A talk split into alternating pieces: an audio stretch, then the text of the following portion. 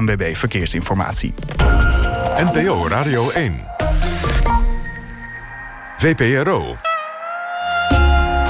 Nooit meer slapen.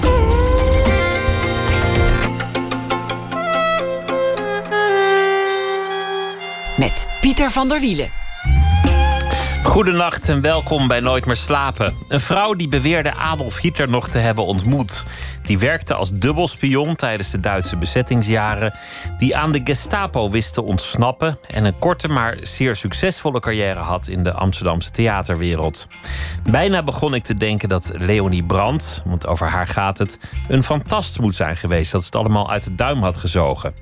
Annette Apon zit tegenover mij. Zij is documentairemaker en maakte een film. Leonie, actrice en spionne is daarvan de titel. En die is te zien op het filmfestival in Rotterdam.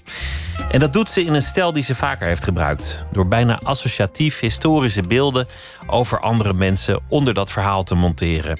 Je ziet beelden die passen bij het verhaal, maar het zijn eigenlijk andere mensen die je ziet. Zo heeft ze eerder films gemaakt over actrice Fien de Lamar en dichteres Henriette Roland Holst. Ook allebei sterke vrouwen. Annette Appon, geboren in 1949. Zelf theaterdochter, werd in de jaren 60 al uh, filmmaker. In de jaren 70 begon ze echt, afgestudeerd. En ze heeft inmiddels een flink oeuvre op haar naam staan. Annette, hartelijk welkom. Dank dat je bent gekomen. Ja. Wanneer kwam je dit verhaal tegen? Want ik had nog nooit gehoord van Leonie Brandt. In 2003, toen is de biografie van Geert Aalders uh, gepubliceerd over haar. En um, ik had altijd eigenlijk al een uh, geheime wens om ooit een spionagefilm te maken. En alleen ik kon nooit in de. Dat was al, al 20, 30 jaar. En ik kon dus nooit um, een, een interessant personage, een interessante figuur vinden die in de Nederlandse situatie uh, zat en daar iets mee te maken had. En toen, um, toen ik dus die biografie las, toen dacht ik, ja, dit is het dus wat ik, waar ik altijd al onbewust naar op zoek was. Dit is mijn spion. Wa waarom wilde je zo graag iets over spionnen maken? Wat is dat voor fascinatie? Nou ja, een van de meest um, cruciale films voor mij is North by Northwest van Hitchcock. Dat gaat ook over eh, een spion, gaat zelfs over een niet bestaande spion. Met, met die trein en, en de, de helikopterachtervolgingsscène. Ja, en, ja, ja. en de man die eigenlijk ook niet meer weet of die bestaat en geen geheugen meer heeft. Ja. Nou ja, hij. Um, dus de, de, de geheime dienst heeft een fictieve uh, spion gecreëerd. En door een toevallig samenloop van omstandigheden wordt Cary Grant die vult die niet bestaande spion in, waardoor die uh, gevaar voor uh, leven uh, krijgt. Of hoe noem je dat? Hij komt in gevaar. Hij komt in gevaar, precies. En ehm, nou ja, ik denk dat spionagefilm is natuurlijk gaat altijd over een over een um, iets wat onthuld moet worden, een, een, een, uh, een secret. En, uh, en er is dan een spion die dus met veel gevaar uh, dat moet onthullen, dat geheim. En dat is een soort dramatische motor die bijna staat voor wat je eigenlijk voor bijna alle films wel nodig hebt. Dus ik, ik, voor mij is een spionagefilm eigenlijk een soort film in optima forma. Er is een personage, er is een geheim, er is weerstand. Kortom, alle ingrediënten voor ja. een spannende film zijn er. Ja. Maar voor een documentairemaker is er één grote handicap met spionnen. Ze hebben niet de neiging zich te laten filmen tijdens het werk. Nee extremer nog, de beste spionnen zijn natuurlijk spionnen die überhaupt geen sporen nalaten. Gewoon helemaal niets. Geen archiefstukken, nee. geen foto's. En het is natuurlijk ook zo. Uh, wij kennen niet zoveel spionnen. Ik neem, ik neem aan dat er heel veel spionnen rondlopen en hebben rondgelopen. Maar degene die wij kennen de, zijn niet de zo goed succesvolle spionnen weten wij niet, daar weten we het bestaan niet van, omdat die nooit ontdekt zijn. Als wij ze kennen, zijn ze niet goed in hun werk geweest. Ja. Zoals de, de, de Cambridge Five of ehm, die spion van de Stasi die doorgedrongen was tot de top van de Willy Brandt. eh, of die was de, de persoonlijke assistent van Willy Brandt. En eh, ja, die, die is uiteindelijk wel ontmaskerd. Maar ja, er zijn natuurlijk heel veel, heel veel neem ik aan, spionnen waarvan je niet weet eh, dat ze bestaan hebben. En er zijn mensen die zeggen dat ze spion zijn geweest, maar die ofwel ergens zich probeerden uit te praten, of die gewoon fantasten waren. Kroegpraat. Ja, dat kan. Ja, dat- ja zal. Ja. In dit geval is dat niet zo, want, want er is die biografie, die, die is heel degelijk. Ja. Er zijn allemaal bewijsstukken gevonden of ondersteunend bewijs, getuigenissen. Veel van wat Leonie Brandt zegt is waar. Ja. Een aantal dingen die ze zegt zijn ook niet waar en dat maakt het ook wel weer zo spannend. Ja, dit is, er blijft een soort, soort raadsel rond haar hangen. En eh, oh, haar, haar levenswandel en wat ze gedaan heeft. En ehm, ze was, behalve dat ze actrice was, heeft ze dus ook heel erg veel geschreven. Vooral na de oorlog. Nou ja, voor de oorlog heeft, heeft ze dus al ehm, had ze twee toneelstukken geschreven. Die zijn niet bewaard gebleven, maar die zijn dus wel eh, eh, op de planken eh, uitgevoerd. En in de oorlog heeft ze eh, hoorspelen geschreven, ook met een zeer speciaal doel. En na de oorlog heeft ze, ehm, om te beginnen, wat dus heel belangrijk was voor, voor eh, dat wat wij weten over haar als spion, heeft ze een heel dik rapport eh, moeten schrijven voor de eh, inlichtingendienst. Die wilde weten wat zij nou precies allemaal gedaan had voor de oorlog. Om te weten wat zij zelf gedaan had, maar ook om informatie te krijgen over haar contacten met die Duitse eh, SD-officieren. En die, wat natuurlijk ook gebruikt kon worden voor verhoren met, eh, van eh, oorlogsmisdadigers. Dus daar zijn er toch veel bronnen die, die uiteindelijk Ja, maar ze zeggen. heeft het dus na de oorlog geschreven. Dus je kan het. bedoel, ze heeft het natuurlijk ook geschreven met het doel om, om zichzelf zo positief mogelijk te presenteren. Dus daar, daar zit de, de twijfel natuurlijk ook. En daarnaast heb, heeft ze in de jaren 50, nadat ze dus al min of meer eh, uitgerangeerd was bij de dienst, heeft ze nog allerlei. ehm, ze heeft ook autobiografische korte verhalen geschreven. Ze heeft ook een, een roman geschreven, een autobiografisch roman. Ze heeft ook nog televisiespelen ges- geschreven. En al deze dingen die. Ook die tv-spelen, die, die, die, die leveren ook allemaal wel heel veel indicaties op over haar eigen leven. Dus er zijn heel veel dingen die erin staan, die dan, je, die, die dan weer op andere plekken ook terugkomen. En dat je dan denkt van ja, dat, dat, dat komt uit haar, eh, uit haar verleden. Ze was eh, Duits, opgegroeid in Duitsland, vlak, vlakbij de grens. Ja. En daar komt ook meteen het eerste merkwaardige verhaal. Ze, ze smokkelt voedingswaren en ze Ja. wordt gesnapt. Maar in plaats van dat ze straf krijgt, geven die agenten haar niet op haar donder, maar zeggen: Jij bent zo goed in dat smokkelen, misschien hebben wij wel een klusje voor je. Ja. Dit was dus tijdens de Eer- Eerste Wereldoorlog. In, in Duitsland was er heel veel schaarste. En Nederland, eh, daar, was, daar was alles te krijgen. En ze, ja, ze, ze, ze woonde dus net over de grens aan de andere kant van Limburg. Ehm, er waren wel ook heel veel kinderen die dat deden. Die hadden ook, ik heb daar ook wel foto's van gezien. Die hadden dan grote jassen aan waarin enorme zakken verborgen zaten aan de binnenkant. Waar ze dus al die spullen, hè, die, die koffie en die boter en die meel, daar konden ze daar dan in eh, stoppen. En er waren ook een soort van bendetjes die dan de grens overgingen. Dus dat kan gebeurd zijn. ja, dat lijkt me heel waarschijnlijk dat ze dat inderdaad gedaan heeft. Maar dat ze toen al is begonnen met spioneren, dat zou wel eens een sterk verhaal kunnen zijn. Ja, dat weet ik niet. Ja, ik weet het niet.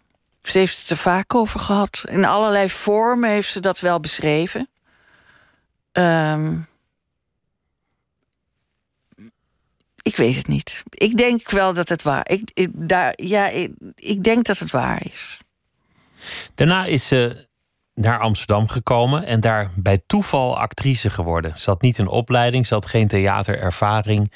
Iemand Nee. zei ten elfde uren, want iemand anders was uitgevallen. Ja, Kan jij die rol niet even overnemen? ja. Maar ze was, ze was dus wel heel eager om naar het toneel te gaan.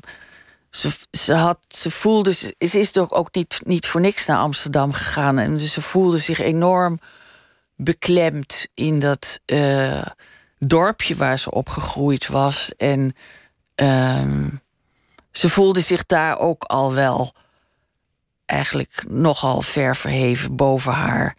eh, de kinderen met wie ze haar leeftijdsgenoten. En eh, ja, ze, ze, ze- voelde zich. eh,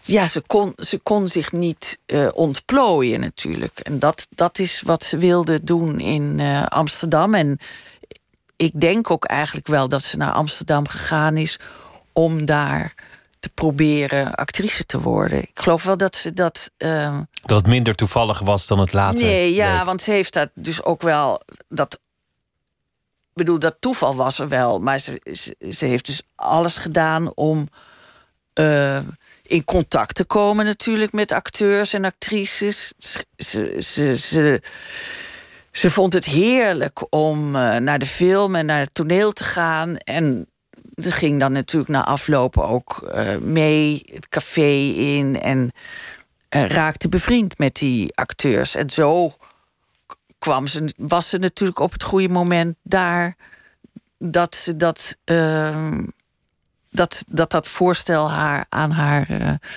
gedaan werd. Ze is ook echt iemand geweest. Ze, heeft in volle zalen gespeeld. Een, een, Ja. een stuk dat ze geschreven heeft is 40 keer uitgevoerd. Ja, Dat, is, een- dat is een teken van groot succes. Werd veel besproken, was ook, was ook een beetje omstreden. ja, En dan hangt ze in de mooie kringen in Amsterdam, komt op de mooie plekken. ja, En rond die tijd, de jaren voor de, de Duitse inval, wordt er druk gespioneerd. Aan alle kanten. Iedereen in Europa is op zijn hoede en iedereen probeert Ja. informatie te winnen over de Ja. ander. En ook in Nederland zijn er veel Duitse spionnen. ja, En dat komt zij te weten omdat zij in die kringen bivakkeert waar die spionnen ook ko- komen. ja. Ze is dus ehm, bij toeval ehm, erachter gekomen dat er in het Victoria Hotel in Amsterdam, dat is tegenover het station, En vroeger was dat heel chic. Het was een chic hotel, ja. Met grote lounge en zo en, en een entree. En ehm, zij ging, dus die- zij en haar mede-acteurs.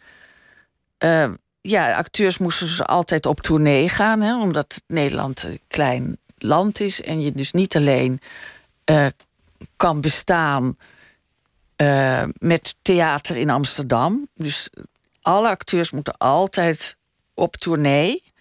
En zij gingen dus altijd met de trein.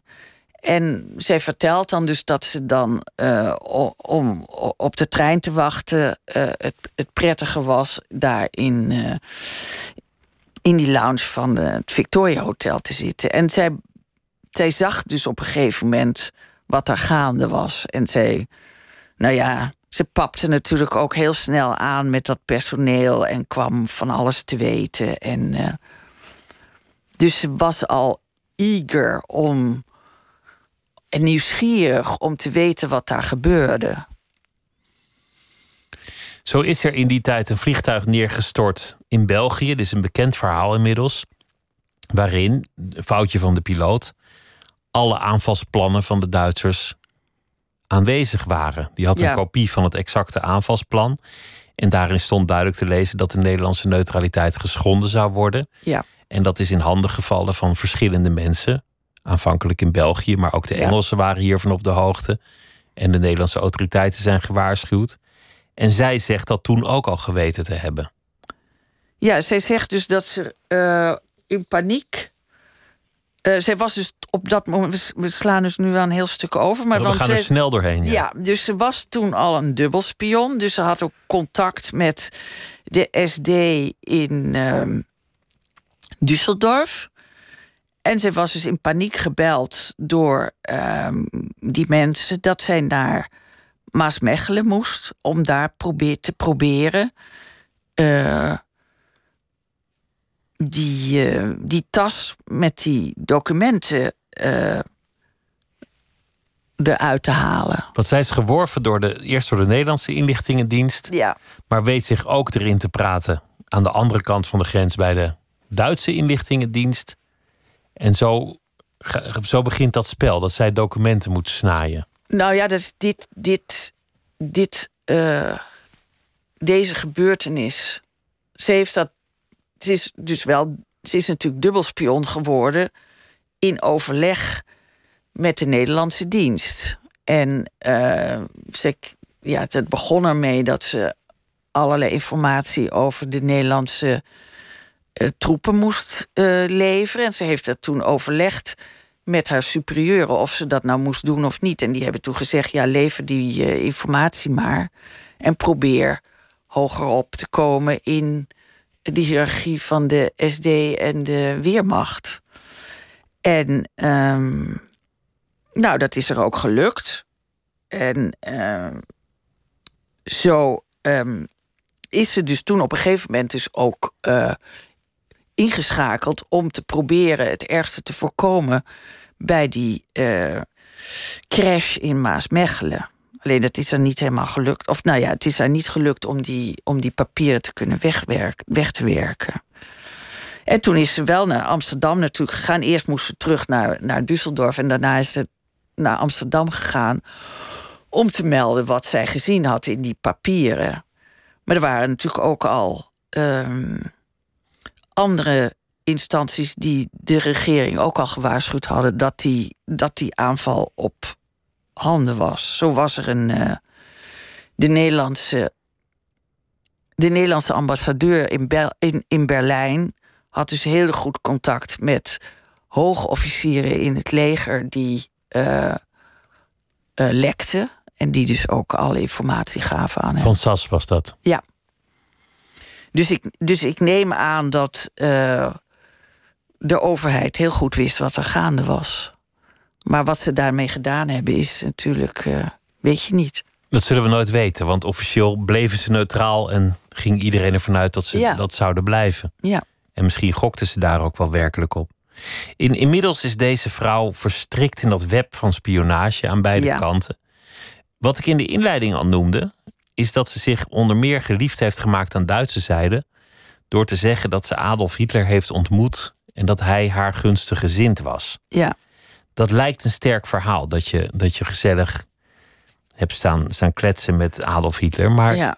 het is niet onaannemelijk. Nee, het is niet onaannemelijk. Het, het, het, en het meeste indruk maakte het, dus dat verhaal ook omdat het dus zo vroeg was in de carrière van Adolf Hitler, al in 1929.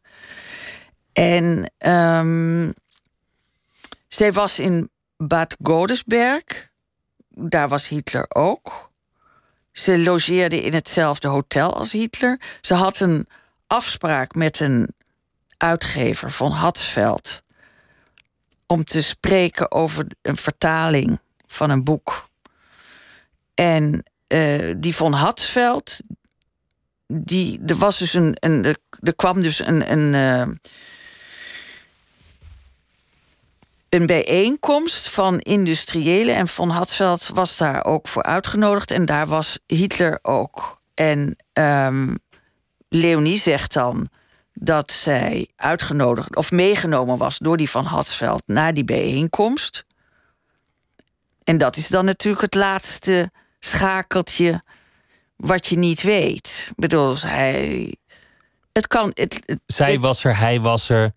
Ze waren in elkaars buurt, maar Ja, het was heeft hij- dat gesprek ook plaatsgevonden? Dat, dat je weet niet je weten. niet, want zij zou dan de enige vrouw zijn geweest in die, op die bijeenkomst. En eh, maar ja, ze kan, het, ze kan natuurlijk ook heel makkelijk het gehoor, een, een, verhaal gehoord hebben van die van Hatzveld, hoe die bijeenkomst was met Hitler. En dat ze gewoon bedacht heeft van, nou ja, ik had er net zo goed bij kunnen zijn. Ja. Zo zijn er veel dingen. Want we, gaan, we gaan niet het hele verhaal nu behandelen, want het wordt steeds bonter en bonter. Ze is een dubbelspion, de oorlog breekt uit. Ze wordt gevangen door de Gestapo. Ja. Maar ze weet zich eigenlijk een beetje eruit te praten bij de Gestapo. Iedereen raakt ervan overtuigd dat het heel belangrijk is dat zij overleeft en niet ter dood wordt gebracht, wat normaal zou gebeuren voor iemand die landverraad heeft gepleegd. Ja. Ze wordt uiteindelijk wel gevangen gezet in Ravensbrück. Ze komt terug in Nederland. De geschiedenis die, die eindigt heel droevig. Een vrouw die gebroken is, depressief is, die in mhm. Nederland achtervolgd wordt door onderzoeken, door praatjes. Ja die zich steeds moet verantwoorden, toch een beetje wordt aangekeken alsof ze verraad heeft gepleegd, ook hier. Ja. Haar zoon, die, die heb jij nog gesproken? Ja, die heb ik uh, een aantal keer gesproken, ja.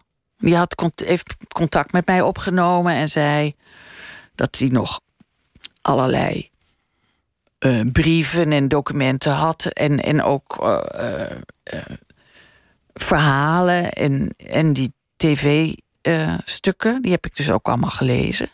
Dat was natuurlijk hartstikke goed om dat, om dat erbij te hebben. Is het nog wel een leuke moeder geweest uiteindelijk? Want de verhalen die je hoort, ook van, van haar dochter, die beroemd zou worden als lieve Mona van de, van de brievenrubriek, die heeft, die heeft toch wel eens gezegd dat ze, dat ze een verschrikkelijke moeder had gehad. Ja, maar dat ontkent de broer dan weer. Maar iemand die in ieder geval flink getekend was door dat verleden. Ja, ja dat denk ik ook wel. Ja. Ik bedoel, dat, bedoel, als je drie jaar in Ravensbrück gezeten hebt, dan, dan kan dat niet anders dan dat dat enorme invloed op, op je leven zal, eh, leven later heeft. Dat kan, kan gewoon niet anders. En ze heeft natuurlijk onder enorme druk. Uh, geleefd vanaf zeg maar 1936, toen ze met dat spioneren begon. En dan, ja, ik neem aan, tenminste, dat kan ik me zo voorstellen, dat je dan in, onder enorm, met enorme adrenaline in een soort, in een soort spannende uh, toestand zit. Maar op het moment dat dat allemaal wegvalt, ja, dan, dan dan weet je denk ik niet zo goed meer hoe het verder moet. Je zei al, goede spionnen laten weinig na. Dat, dat geldt ook voor, voor jouw personage. En dat heb je opgelost door andere beelden te gebruiken en die over, over het verhaal heen te leggen. Ja. En dat is een, een vorm die je eerder hebt gebruikt in de film over Henriette Roland Holst, de dichter. Over actrice Fien de Lamar. Dit lijkt een soort trilogie. Het lijkt een soort ja, drie-eenheid van verhalen. Ook al zijn het verschillende verhalen, maar alle drie verhalen over sterke historische vrouwen. Ja. Is, is, dat, is dat een bewuste. Nee, dat is zo ontstaan. Dus nu, bij, nu de derde kwam, kan je dan zeggen van het is een trilogie. Nee, dat, is, dat, dat wist ik natuurlijk van tevoren niet. En dat, uh, het zijn dus drie uh, vrouwenportretten. En de tweede uh, overeenkomst is dat het voor het grootste gedeelte uh, gemaakt is met uh, beeldmateriaal wat, wat komt uit het archief van AI, wat heel oud filmmateriaal is. En het is wel zo dat die, dat die drie uh, films dat materiaal heel verschillend gebruiken. Dus bij Henriette Roland Holst was het was ook geen filmbeeld van haar. Er waren wel heel erg veel foto's van haar. En natuurlijk ook in die. Want ze was niet alleen dichteres, maar ze was ook revolutionair. En ze was dus uh, aanwezig bij grote historische gebeurtenissen, stakingen, bijeenkomsten van de SDAP. Ze heeft Lenin en Trotsky ontmoet. Dus daar, was veel fotomateriaal van echt, echte beelden. En daarnaast heb ik dus omdat dat was natuurlijk niet genoeg. Dus wat ik daarnaast eh, gebruikt heb, gevonden heb, zijn documentaire beelden die ehm, die, die sfeer en de tijd eh, aanduiden. Bij Fien was er een hele andere situatie. Want bij Fien was er natuurlijk wel heel veel filmmateriaal. Want ze heeft in de jaren dertig in een aantal eh, Nederlandse speelfilms gespeeld. En eh, die kon ik gebruiken. Daarnaast waren er ook ongelooflijk veel foto's van haar. Van, ook van haar toneelwerk. Maar het probleem was, of het probleem, het punt was natuurlijk wel dat die films, dat waren allemaal verhaaltjes die weer niks te maken hadden met Fien. Dus die, die, die, die fictie van die verhalen, die moesten uit, uit die films gehaald worden om uh, ze te kunnen inzetten voor uh, om het, verhaal, het levensverhaal van Fien te kunnen vertellen. En bij Leonie heb ik dus gekozen, of kon ik niet anders, dan uh, fictiefilms. Dus fragmenten uit oude uh, speelfilms te kiezen die. Uh, die bepaalde kanten, facetten, uh, gemoedstoestanden van Leonie uh, vorm konden geven. Dus als zij verliefd wordt, zien we een verliefd stel in ongeveer die tijd. Als zij in het mondaine leven toetreedt, dan zien we feestende mensen uit die ja. tijd in, in mooie kostuums. Ja. En later, als het grimmiger wordt, dan zijn daar ook weer bijpassende beelden voor gekozen. Ja. Je ziet op, op vrijwel geen moment bewegende beelden van Leonie zelf. Je ziet een aantal keer een foto. Ja. Daarnaast heb je acteurs een scène laten opnemen. Ja. En dat is een, een, een getuige in gesprek met een medewerker van het Instituut voor Oorlogsdocumentatie. Die in een soort interview of gesprek ja.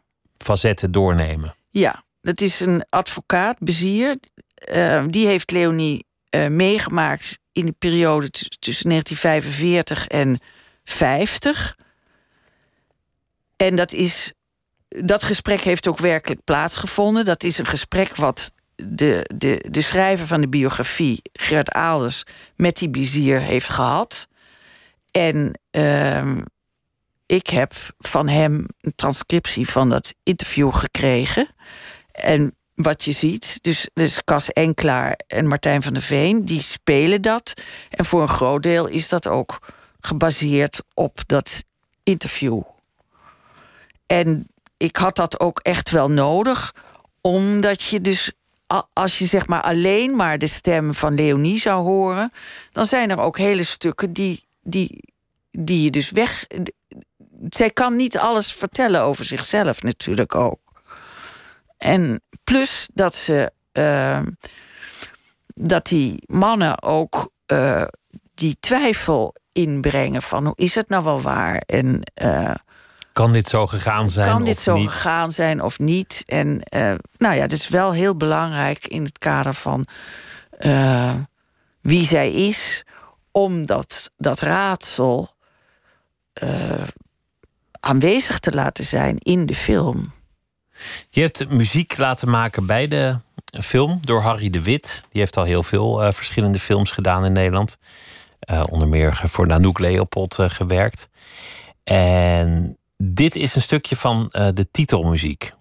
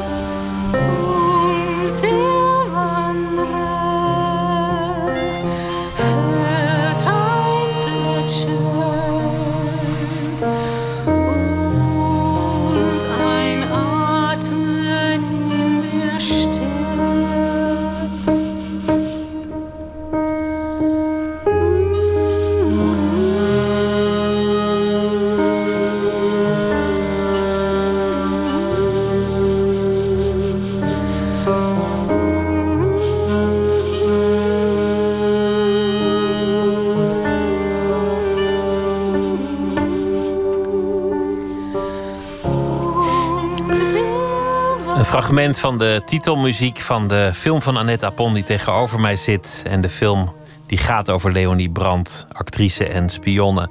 Een, eh, een film met niet originele beelden, maar wel beelden uit die tijd. Een film die lijkt op de eerdere films over Henriette Roland Holst en Fien de Lamar. Er zit ook een soort verwantschap tussen jouw eigen leven en het, en het leven van in ieder geval Fien de Lamar, maar ook van, van deze Leonie. Namelijk dat jij bent geboren in, in wat je zou kunnen noemen een theaterfamilie. Ja, mijn ouders waren allebei uh, acteurs, ja. Weliswaar in een iets andere tijd, wat Ja. later. Ja. Maar goed, zij hadden nog wel tijdgenoten kunnen heten, eh, om- omdat jij natuurlijk ook niet meteen ter aarde kwam. Nee. Wat, wat ja, wie weet, wie weet. Nou ja, ik, de Lamar hebben ze wel meegemaakt, maar of ze Leonie hebben meegemaakt, weet ik niet. Dat is dubieus. Ja, nou ja, helaas begon ik natuurlijk pas aan, dit, aan deze eh, film eh, toen ze al dood waren. Dus ik kon het, heb het ze nooit kunnen vragen. Filmmaker ligt niet zo ver weg van, van actrices Nee, en acteurs. nee. Dat ik bedoel eigenlijk. eigenlijk Ja, het ben- is een soort verlengde, een, een beetje een, eh, een variatie erop. Op het, op het acteren. Zo, je blijft een beetje in dezelfde sfeer, maar toch even een beetje anders. De appel is ook wel niet heel ver van de boom Nee, gevallen. precies. Ja. Hoe kwam het dat je, dat je film wilde maken? Je noemde al meteen North by Northwest. En dat vind ik leuk, omdat ik het een, een fenomenale film vind. ja. Echt, echt een van de meest spannende films ooit gemaakt. Tot op de dag van vandaag. Wa- Was dat het? Waren het, waren het de films die je zag toen je jong was? Ja, nou ja, vanaf mijn vijftiende ben ik eh, ehm, films gaan kijken en ik was helemaal. eh, ik ben, was echt een filmfan. En in, toen ik eh 15, 16 was, eh, was daar eigenlijk de meest interessante, meest spannende, meest, meest levende, levendige periode van de film. Dat waren ja- jaren 60, jaren 70. Je had Franse Nouvelle Vague met Truffaut en Chabrol en, en Godard en Varda en René. Je had natuurlijk ook in Italië. Je had Visconti, Antonioni, Fellini, noem maar op. De Taviani's, een beetje later. Bertolucci. Ehm, Oost-Europa. eh, Hongarije, Tsjech, Tsjechoslowakije, Polen. Allemaal geweldig interessante films.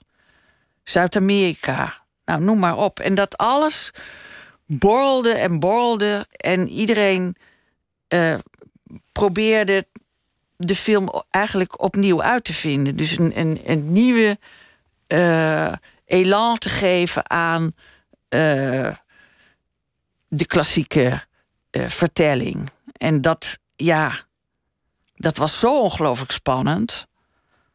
Daar wilde ik bij horen. Maar dan kwam je op, op de filmacademie. Eind jaren 60. Amsterdam was, was in het teken van, stond in het teken van activisme. Ja, De wereld moest eh, op de schop. ja. En er komen al die jonge, ambitieuze filmmakers. Was dat meteen een wereld waarin je je thuis voelde of viel het ook een beetje tegen?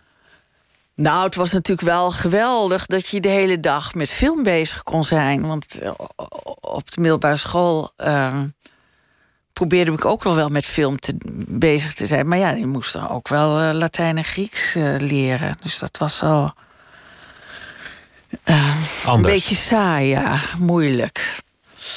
En eh, nou ja, het probleem, of het probleem, er was natuurlijk de Nederlandse film had natuurlijk eigenlijk weer niet zo heel erg veel te maken met al die geweldige Franse en Italiaanse en eh, Tsjechische films. Ik bedoel, het was een soort geploeter. Eh, alles moest niet opnieuw uitgevonden worden, maar überhaupt uitgevonden worden. Want de Nederlandse film bestond wel, maar mondjesmaat eigenlijk. Hè, zeg, maar, zeg maar speelfilm heb ik het dan nu over. Dus je had eh Fons Rademakers natuurlijk en Bert Haanstra. En daarna kwamen, dat was dus natuurlijk al het nieuwe elan van Nederland.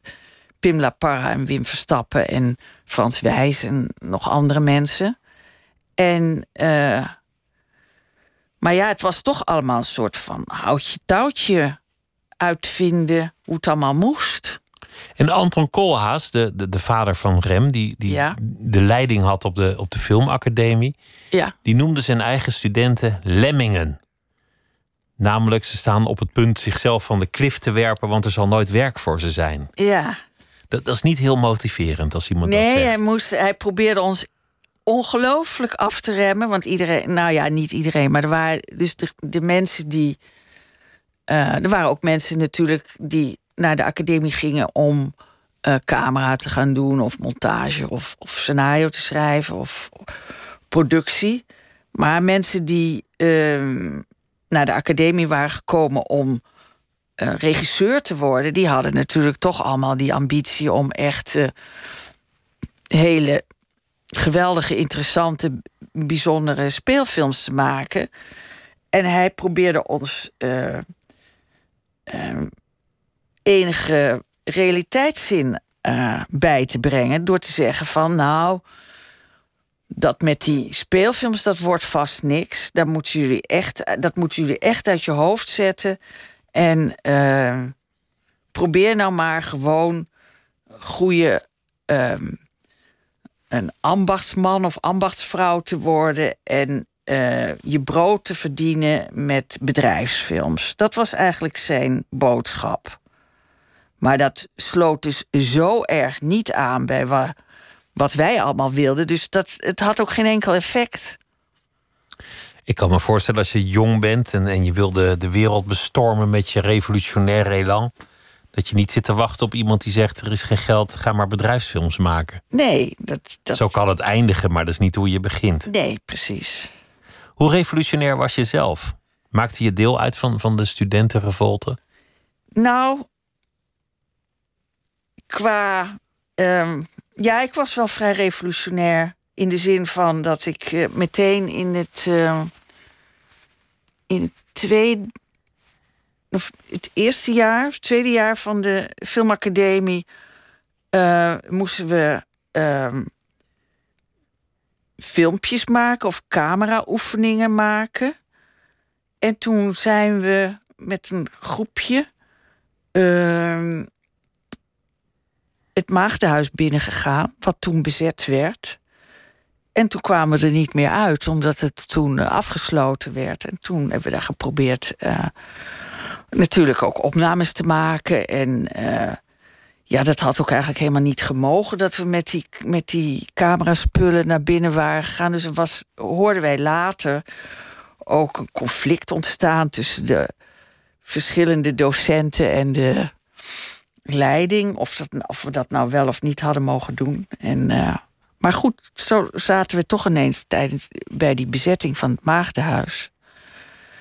Ik eh, hoorde ook bij mensen die een eh, filmtijdschrift gingen oprichten. Dat was dan al, ook alweer als tegengeluid van Scope.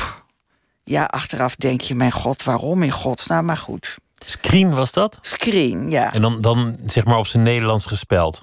De nieuwe spelling. S-K-R-I-E-N, ja. En eh, ja, dus ik was wel heel, eh, heel actief. Dus ik, en in, dat, in die screen probeerde ik dan allemaal.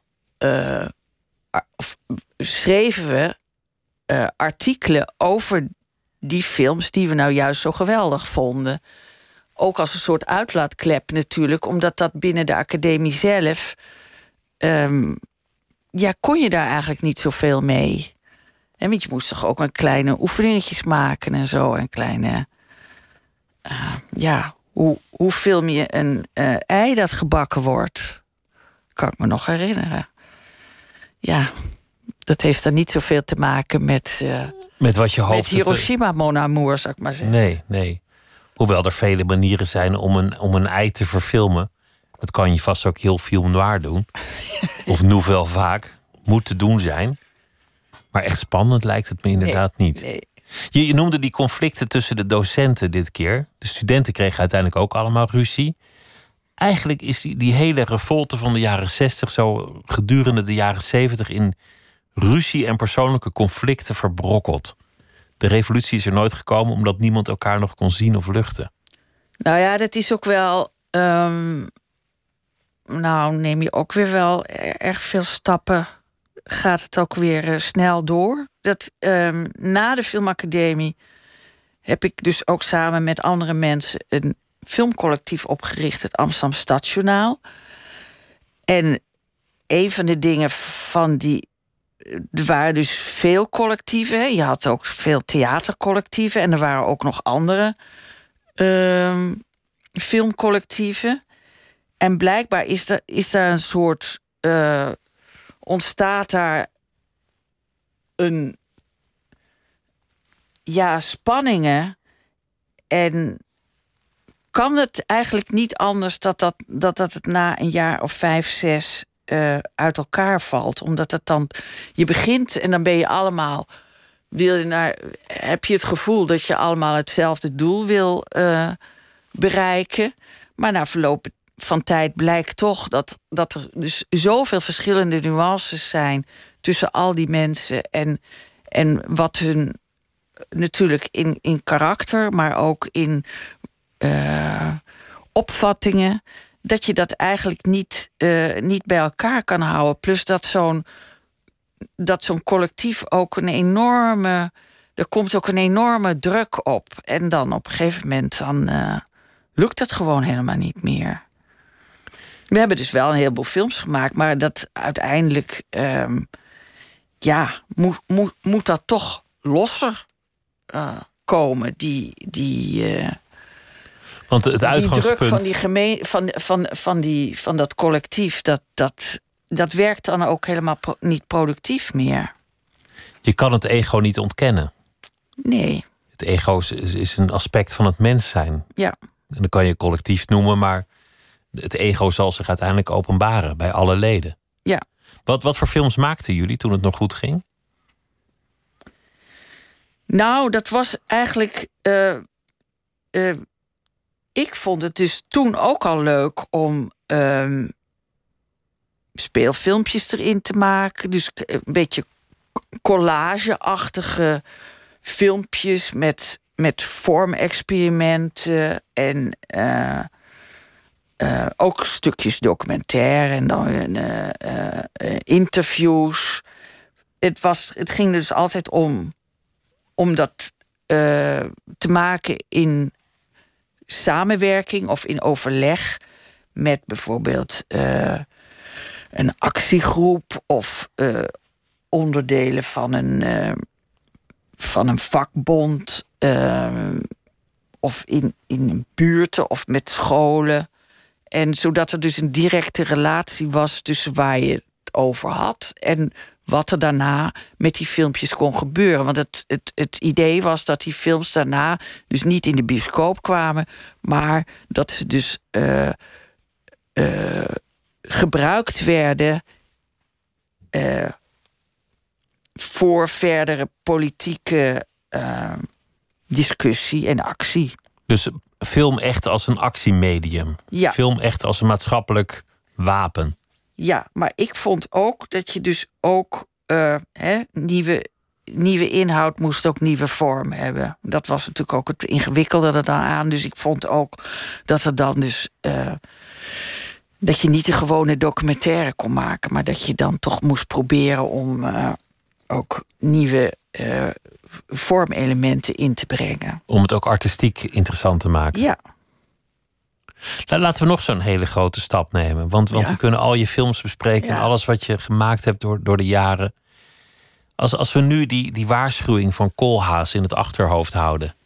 Van maak je geen illusies, eh, eh, lieve kinderen. Het, het, wordt, het wordt een vrede wereld. ja, In zekere zin is dat ook zo. Ik, ik spreek veel filmmakers en, en sommigen lopen wel zeven, acht jaar rond met een idee voordat het ja, echt verwezenlijkt wordt. Of Ja. voordat ze zelfs maar kunnen beginnen met, met draaien. ja. De financiering is hels moeilijk geworden. Ja, het is er ook niet makkelijker op geworden in de, in de loop der tijden. Het, het punt was, in het begin was er natuurlijk ehm, was er niet zoveel geld als er nu is. Ehm, aan de andere kant waar, was het maken van de film, van een film veel goedkoper.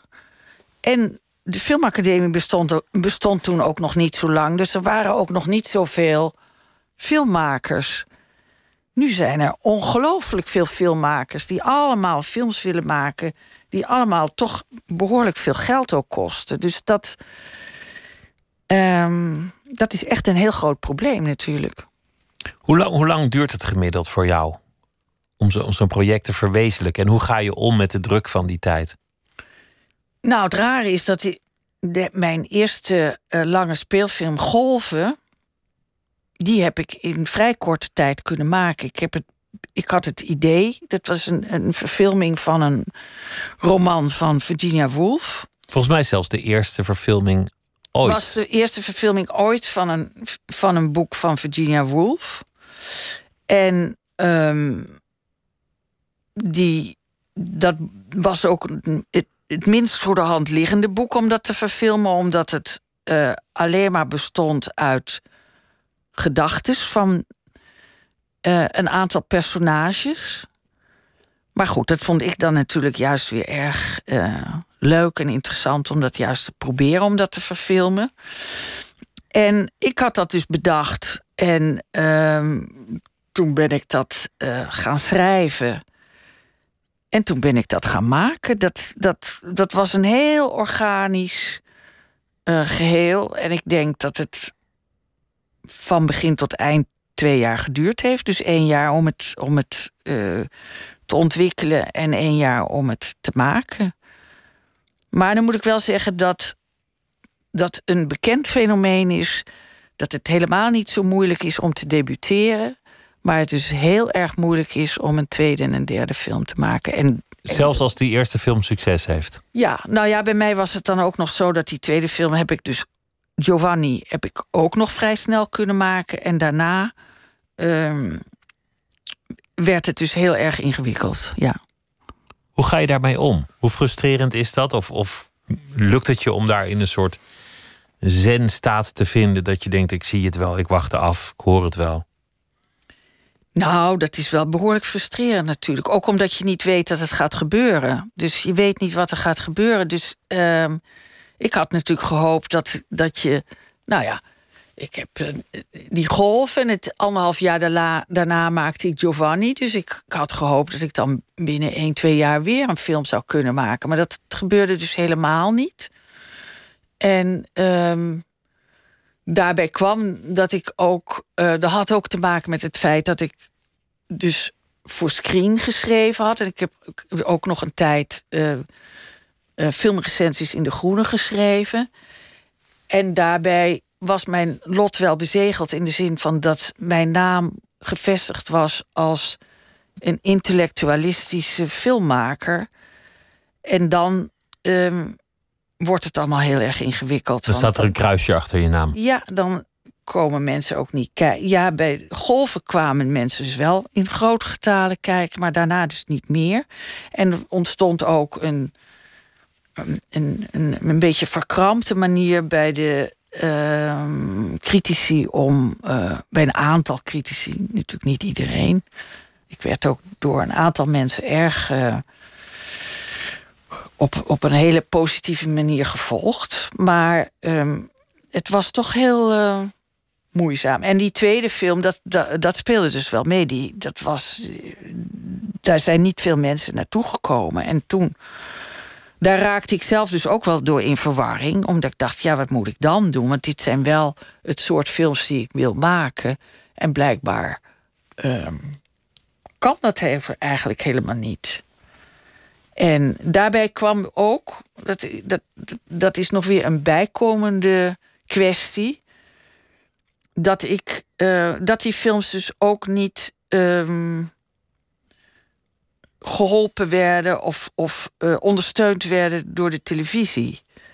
En in het begin, dus dat was begin jaren tachtig, was het nog wel mogelijk om films te maken zonder medewerking van de televisie. Maar naarmate de, de tijd vorderde, werd dat. Uh, Je moet een omroep erbij hebben. Al, al onmogelijker om dat uh, voor elkaar te krijgen. Het kan eigenlijk helemaal niet meer.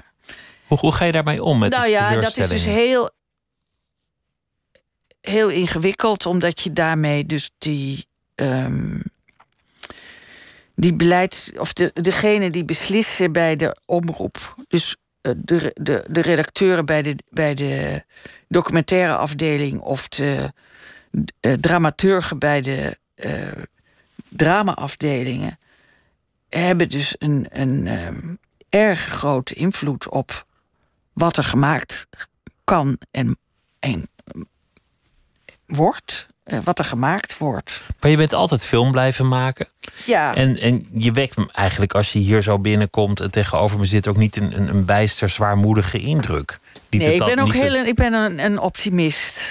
Maar- ja, ik maar zie altijd wel de Zo is het leven, toch? Je hebt, je, hebt, Ja. je hebt dromen, je denkt dat het iets zal worden. De Ja, praktijk blijft anders. Nee, en maar dan komt er wel weer iets en je anders. vindt, je vindt wel een ritme, een regelmaat. Ja, dus ik heb ook. eh, ja, je moet dus een, een, een, een, een, een zekere wendbaarheid hebben en een zekere.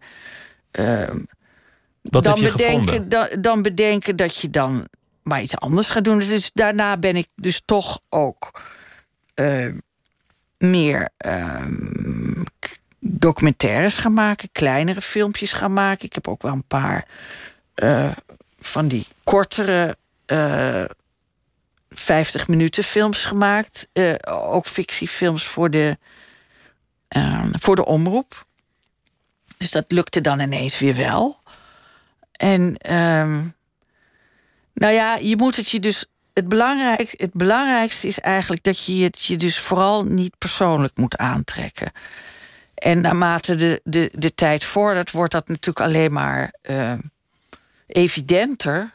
Want er zijn zoveel mensen die zoveel projecten willen maken. En er is gewoon geen plek voor iedereen. Dus het is afwijzing gaat niet over jou. Afwijzing is gewoon afwijzing. Nou ja, het gaat door. natuurlijk. Ja, dat is natuurlijk dubbel. Want het gaat natuurlijk wel over mij. En het ook over een project wat, wat mij dan heel na aan het hart ligt. Maar ja, daar moet je dan maar ehm, mee dealen, ja. Ja, en ik, ik, ik, ik eh, heb dan toch op een gegeven moment het gevoel van, nou ja, dit keer niet, dan maar weer iets anders.